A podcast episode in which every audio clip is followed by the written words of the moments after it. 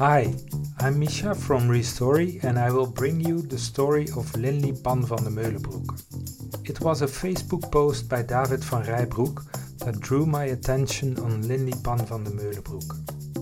Linli, 28 years old, is one of the lawyers of VZW Klimaatzaak, who, together with more than 58,000 Belgian citizens, filed a lawsuit against the three Belgian regions and the federal government who are responsible for climate policy. David, who threw his weight behind Klimaatzaak, wrote this about Linli. Today, on the third day of the Klimaatzaak, I have seen something incredible. A young lawyer stepped forward. She had not spoken in the recent days.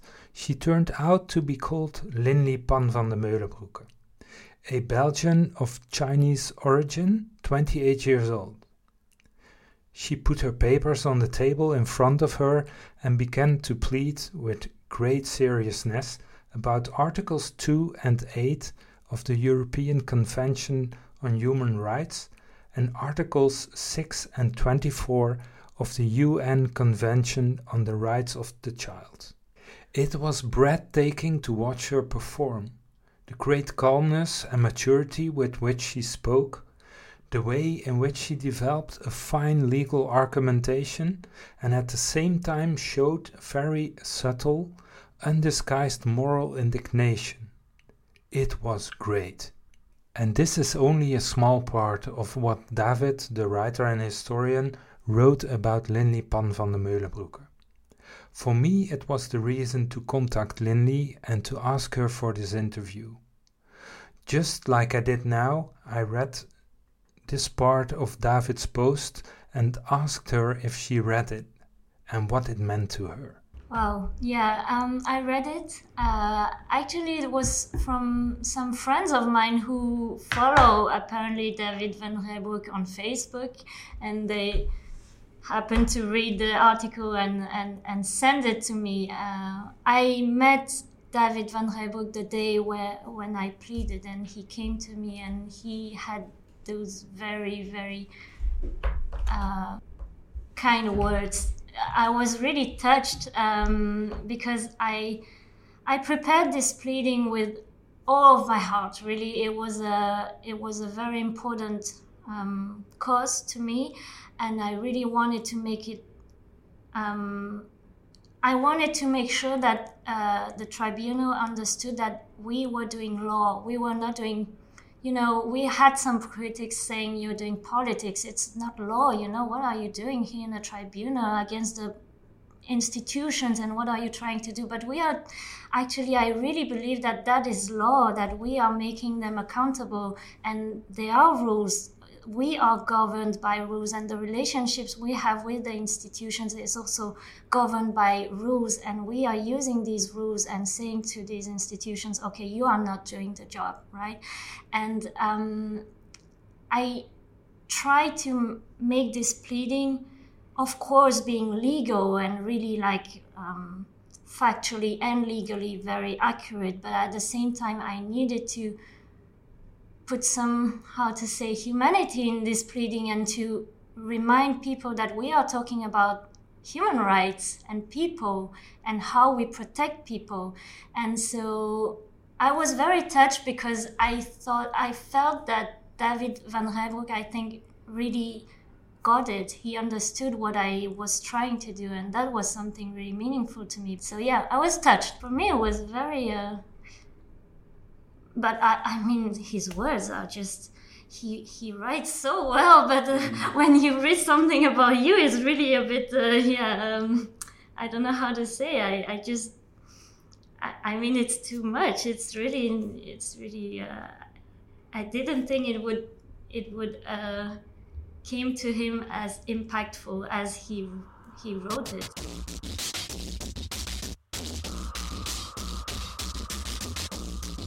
after this uh, honoring introduction, can you introduce yourself?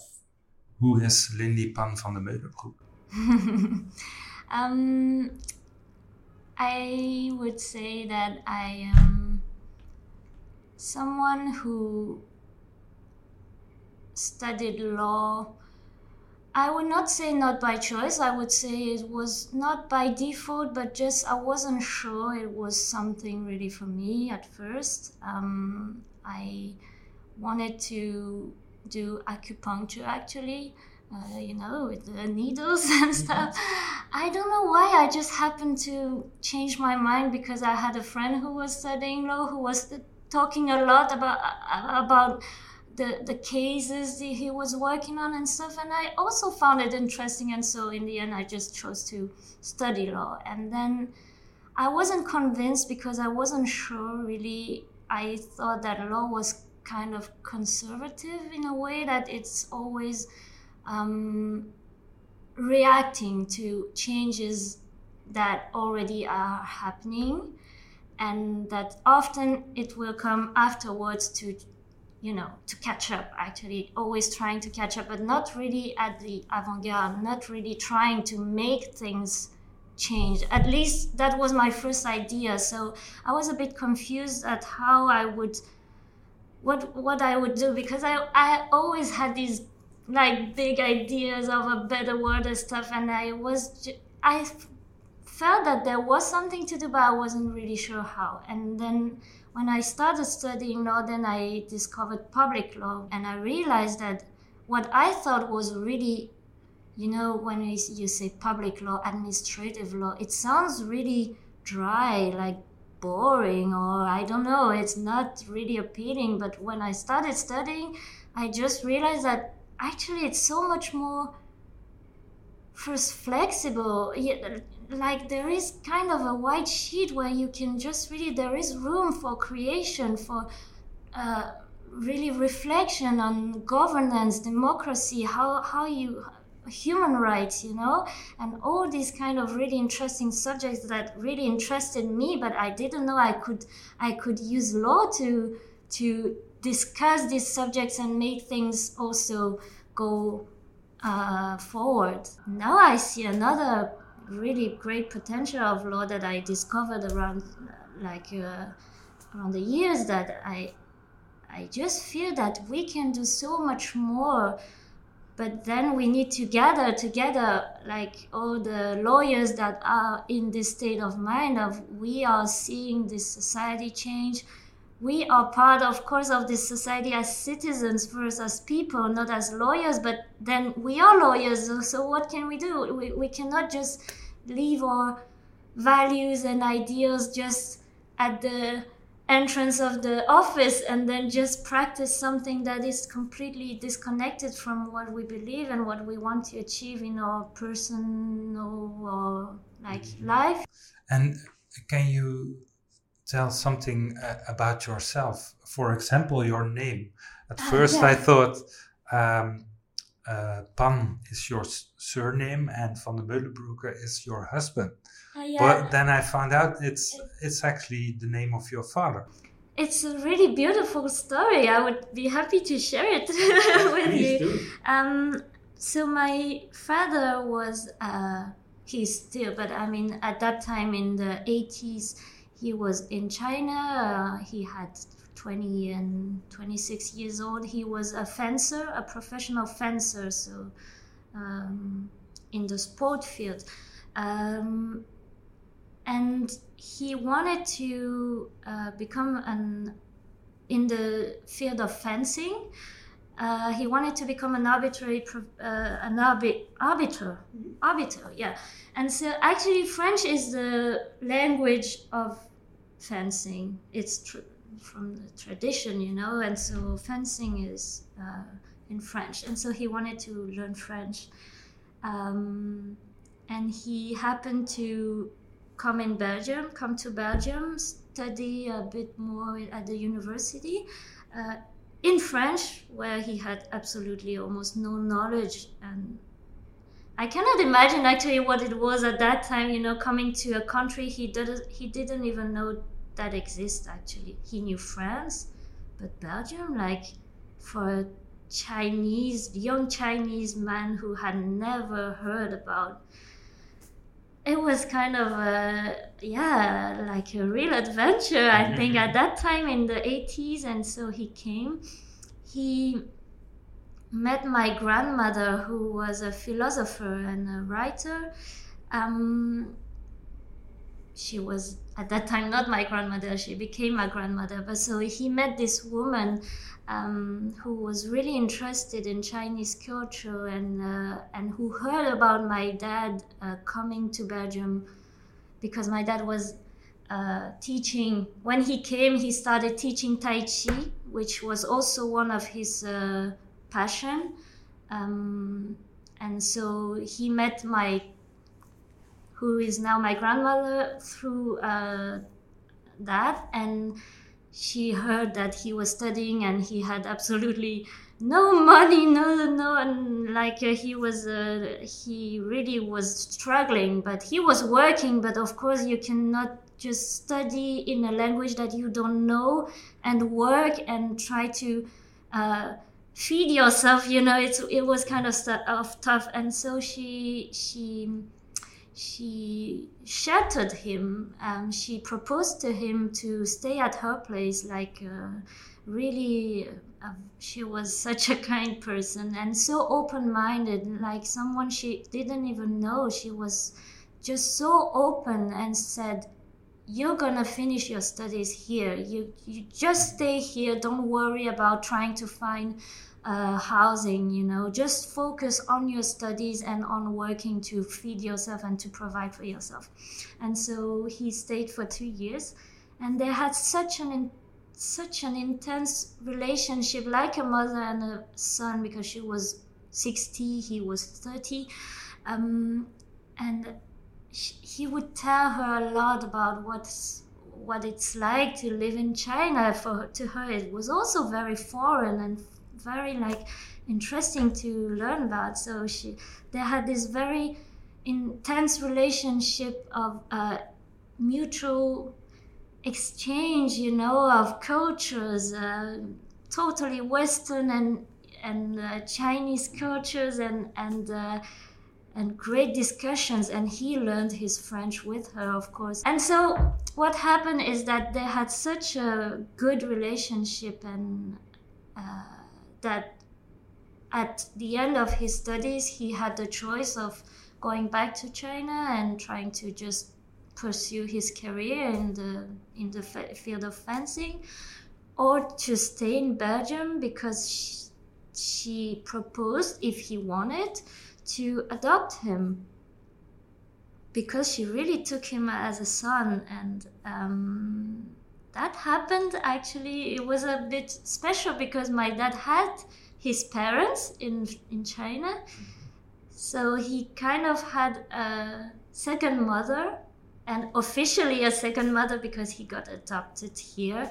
And um, and so Pan is the name of my dad it's a Chinese name and Van de Meulenbroek is the, the name of my grandmother um, and I inherited from the whole package, Pan van de Meulenbroek. And same with my uh, first name, actually, Linli Sophie. They chose Linli, which is the Ch- Chinese name, um, and Sophie, which is actually kind of the translation of Linli, which means uh, in Chinese something like wisdom and so Sophia in Greek, you know, Sophie. So they just they they just wanted to have this uh, two th- this representation of our two cultures, Belgium and uh, Chinese.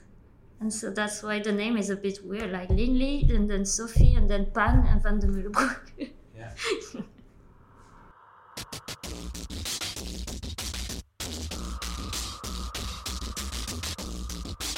yeah, about uh, equal in the law firm. Um, also, a very interesting story. Um, yes. So, we are here together um, in the law firm Equal, in which you are a partner. And uh, I found it a special name for a law firm. Yeah, you could easily expect a name like Justice, but Equal and the baseline of Equal is law for better living. And um, what you do as a law firm is uh, putting law to the service of long term solutions. That's interesting. And uh, improved social harmony. You call it a, a bold and visionary project. And to me, it seems like a statement, isn't it? Yeah, um, I I should precise. So I I'm not a partner of this uh, law. Uh, I mean, partner. We we have almost no hierarchy in our structure, meaning that we are cooperate cooperation. You say in English. Um, so you have partners, and that's it. And within partners, no hierarchy, no you know, trying to climb the the scales. Um, I am still a stagiaire, so I am not yet partner officially. Uh, so yeah, that was just to precise. I was not in the founders, but in the founding part. But what, from what I understood, is that the the name of the law firm actually at first was Law for Better Living. And then they decided to name it Equal because they realized that. So when I talk about law for better living, the, the, the, the initial project was to create a law firm where, as I told you a bit earlier, we are really putting our knowledge at the service of a greater purpose and in a society which is really now ra- rapidly changing and that we, we have so many challenges we need to tackle and we need to be in it together also in Klimaatzaak that's what we wanted to make the tribunal understand. We were really trying to make them understand that we are not opposing citizens to public institutions. We need them and they need i will say us as citizens. They we there there is a mutual need of uh, understanding each other and trying to understand what we can do at each level but towards the same goals you know? And so because there is a future but we need to build it together and law is of course part of it because law is what uh, rules the society and uh, and how the people interact with each other and with the authorities.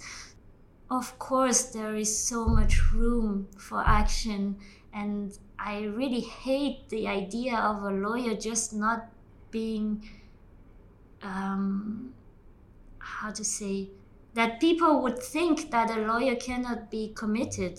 I just feel it's wrong because you know everyday life in everything you do and i think in almost every profession you should be able at your level to do something and to do something in accordance with your values and to act within the sphere of uh, your field of action equal to me was this kind of re story. I found a story there that i liked and that gave me hope and that was really like i was like okay then i think the whole time where i was confused is because i was always still thinking in the same old way of thinking law and and that's why I couldn't find a a way. I couldn't just I just wasn't happy with with it's not it's just that I just felt that there was something wrong but I couldn't say what. I could feel that there was potential but I still couldn't see how to act and how to use that potential. And there here I was just like okay, so at least the the um, the the perspective, the approach that they are uh, putting forward is the right one to me. Is that something I really didn't thought about? Also, what I wanted to uh, say about the name equal, uh, it was um, more a reference to also our internal structure because there was one thing which was we are gonna change the way we practice law and we think that these law firms with the their way of thinking is not suitable to the challenges we need to tackle nowadays but then if we want to do that um, we wanted also to reform our internal way of practicing together. And so it was not only with the external, it was also internal. We need to rethink ourselves as a group of people. How are we going to work together, respect each other, respect the boundaries of each other, and uh, make sure that everyone has its own uh, place? Like they find their place in the group. And so we worked a lot on trying to make people equal in this group. That's why we named it Equal. Um, because we thought that it's not only about what we do, but also what we are. And this is the identity of the group, like how we work. But it's a work in progress, of course. And that's what I also think is amazing to be able to be part of a of a corporation of lawyers who are trying to to make great things and at the same time who are trying to learn about themselves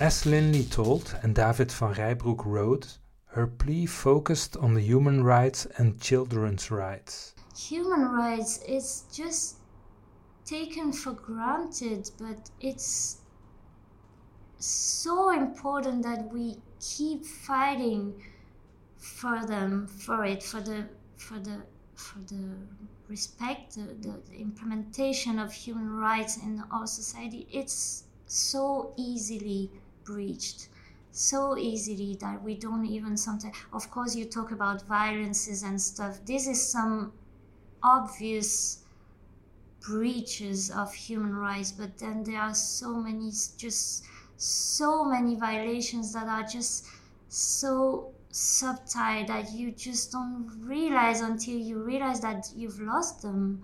Human rights and children rights in the context of environmental issues, um, more specifically, uh, I would say it's quite new um, because environmental law is public law. You know, we have a code of environmental law, which uh, you have a whole bunch of legislations on waste, on on on a lot of subjects.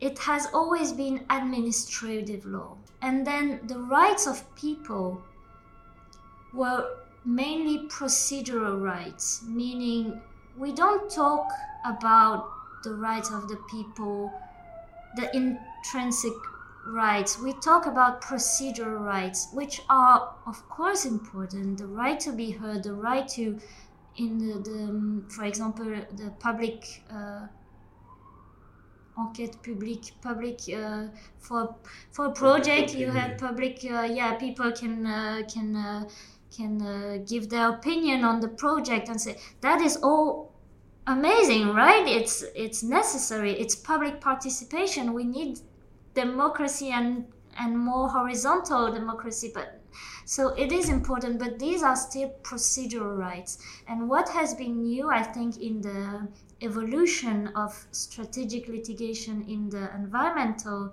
field and climate, more particularly now we're talking about climate, is that we are more and more uh, as lawyers who are committed to this cause and trying to make things change a bit is that we are using human rights as a um,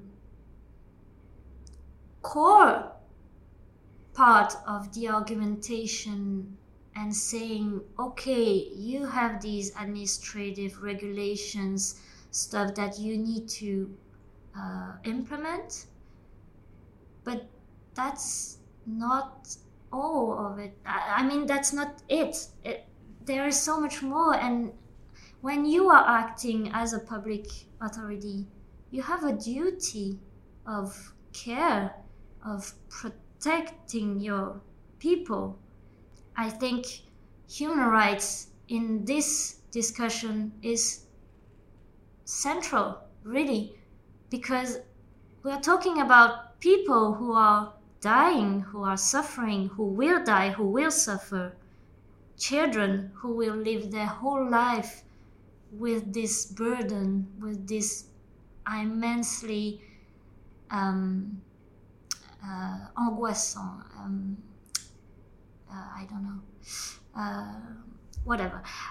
Children who will live with this fear and this really, I've talked to so many young people. I'm just always amazed at how mature they are on this issue and they are so aware of what's going on and they are just so shocked that nothing is I, I don't like to say nothing is changing because it's not true but i mean from the outside we are we just want to ask the institutions what are you doing really like you have the power you have of course they are also limited but still you have so much power in your hands to make things change.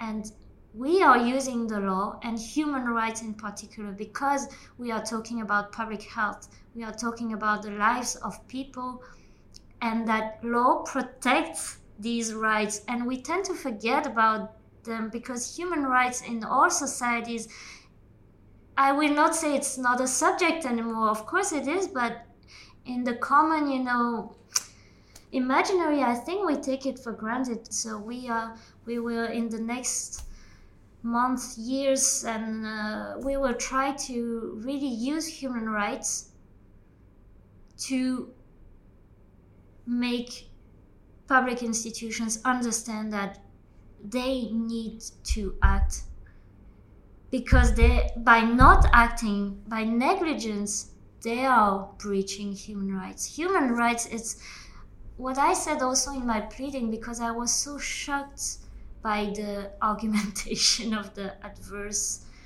parties. At some point i think they were a bit i don't know i just i was shocked because they said okay you're talking about the human convention and human rights uh, but uh, legally speaking, because they were always, I don't know, trying to make it uh, appear that we are not doing law. They are doing law. They have the they have law on their part, and we are just the sentimental, very idealistic person who who, whatever. I just replied to them. I was like, I am talking about right to life and right to have a family life, right to have a house, right to be secure in your whole, in your own home. I'm talking about like the, the essence, the fundamental rights of life and and right to be protected from harmful events and you are just so out of the out of context you know just i i just felt there was such a big gap and I think that's the challenge also for the tribunal, which will be to, of course, they are bounded by legal provisions and ways of uh, approaching problems.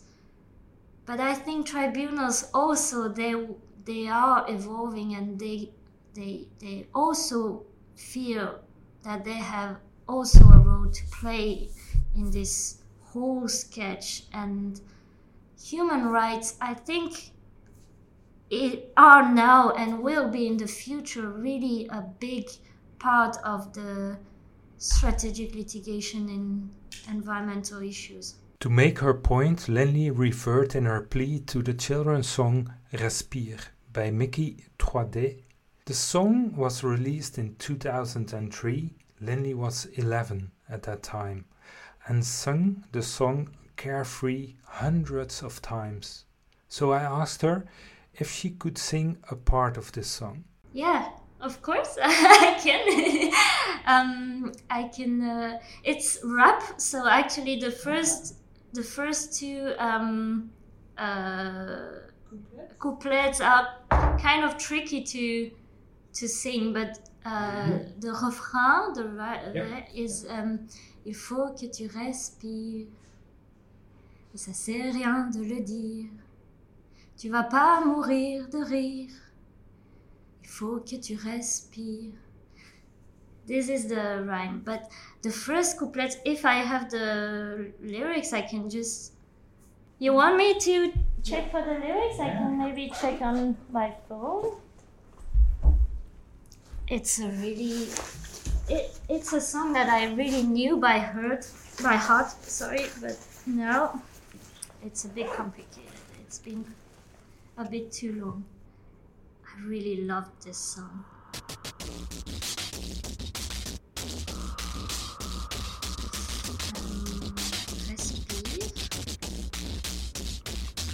Approche-toi petit, écoute-moi gamin. Je vais te raconter l'histoire de l'être humain. Au début, y avait rien. Au début, c'était bien. Ok. La nature avançait, So. pas de. Approche-toi petit, écoute-moi gamin, je vais te raconter l'histoire de l'être humain. Au début, il y avait rien, au début c'était bien. La nature avançait, il n'y avait pas de chemin. Puis l'homme a débarqué avec ses gros souliers, des coups de pied dans la gueule pour se faire respecter, des routes à sens unique qui s'est mise à tracer. Les flèches dans la plaine se sont multipliées, et tous les éléments se sont vus maîtrisés. En deux temps, trois mouvements, l'histoire était pliée. C'est pas demain la veille qu'on fera marche arrière. On a même commencé à polluer les déserts. Il faut que tu respires. Et ça, c'est rien rien de le dire. Tu vas Tu pas, vas pas mourir de rire. C'est pas rien de pas le rien de le dire. And then it goes on and on. It's it's uh, three parts. The first one, so it's talking a story to a to a child, saying at the beginning the like uh, yeah.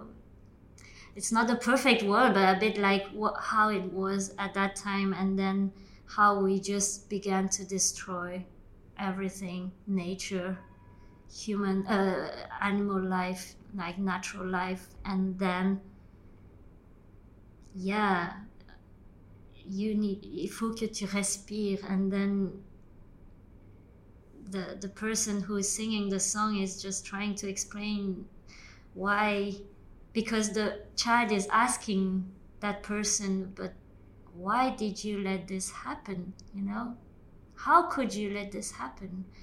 Uh, yeah, it was very. At that time, that song, I wasn't really thinking so much about it, of course, because it just seemed like, yeah, just too far from what I understood at that time from the the, the world. And and yeah when I was preparing this pleading for the for this at the tribunal it really came back to me as a yeah I don't know like a flash you know and I just I just remembered it. And I went back and and read the lyrics and I was like yeah I was 11 at that time and what I'm pleading now at the tribunal is that at that time in 2003 we were already talking about reducing emissions and you already knew as an authority you knew that you had to do something. At that time to me it was complete like uh, i didn't care but at that time you had that duty and you had that for so many years. What have you done with that? This song really struck me really really hard actually when i came back to it. It's just a song you know but um, mm-hmm. i wouldn't say a childhood song but almost a childhood song to me. I was a child mm-hmm. and i would i was singing it like carefree you know like any other song but when you read the lyrics it's just yeah it's like it's um, it was urgent at that time. I didn't realize of course but it was so urgent. And yeah i just wanted to mention that at the court because i wanted to make them realize i was a child. They were already supposed to protect me as a child they did not do that and they continue to not doing that. And now we have child children who are my age at that time. What are you doing? How long are we gonna wait you know? Uh, it was kind of a wink to this, uh, also this um, duty towards future generations, which is so important to me and which is really a gap, I think, in our legal system, which is not taking into account future generations and at the pleadings, the at the the uh, adverse parties told us, but yeah, it's great your ideas and stuff, but in the law we don't protect future generations, so you are out of, you know, you are not doing law again. And we were like, no, this is law. We are talking about future generations because they will be the most impacted of your negligence and your your yeah your absence of action. There is an idea uh, going around now like giving rights to forests and rivers. Ah, um, to see uh, eco- ecocide as a crime? Yes. Um, what's what do you think about that Uh, is that a good idea? And is it uh, a, a, rea- a realistic idea to Mhm. to give a right to to a river? It's nice that you ask me because I am passionate about this question. really, like uh, I- it's something I'm really working on right now. Um, because there are some uh, uh, avancées, advances uh, in this sense in France, uh, for example. Well, worldwide, but I mean, more recently, we are talking a lot about recognizing ecocide um, in the French uh, in the French legal system, and we do not have anything like that in the Belgian uh, legal system right now. Uh, I do believe that we don't necessarily need a change, a formal change in the of course it would be just the top if we could have a in the constitution or in the legislation something uh, a reference to rights that are not only linked to humans but to nature as such i think it's fundamental i think we really need to understand that we are not we are connected to nature so all rights and all human rights are of course linked to the way nature is treated, of course, but I, I do believe, and that's what I'm trying to do um, here at Equal. We are trying to build strategic litigation around um, the subject of nature rights. I think to answer your question, it is absolutely also necessary. Nature rights, it's a bit difficult because there is a question of standing. Can you go to court as a as a non-human person? Can you can trees go to courts? That's an amazing subject that has been uh, addressed by uh, philosophers and uh, lawyers and and and of course they cannot. So what what so we cannot have a tree in person at the court. So the trees don't exist and don't are not worth protecting. That's a bit the state of uh, the the um, what we are now, where we are now, because there are very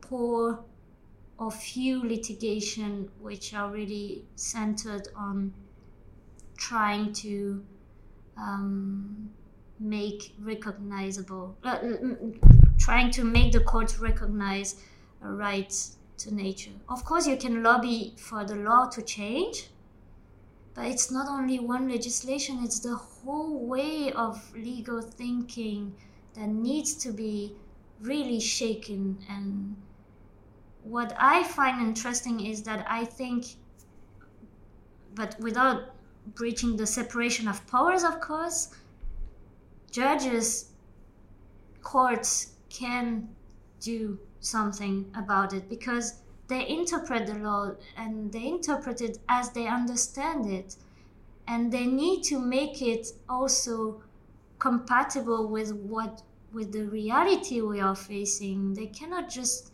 give decisions that don't make sense. You know, at some point, you need to to understand the world we live in, the challenges we face, understand that this civil code, yeah, right of nature. I would really like at some point that we recognize that any person, human person, I mean, has an interest or should be recognized to have an interest uh, to come to court to uh, tell the court that there is a problem here. Uh, we are not, or we are destroying nature. We are not doing, we are not preserving what we have for the future generations. We are just destroying what we have. Any person should be able to go to court. And it's true that when you see the general jurisprudence and the general way of thinking, it's not possible for now, but I, I do not see why actually. we should be able to really recognize the, the interest of an individual to fight for the public interest. And for some reason, it seems really scary to some people.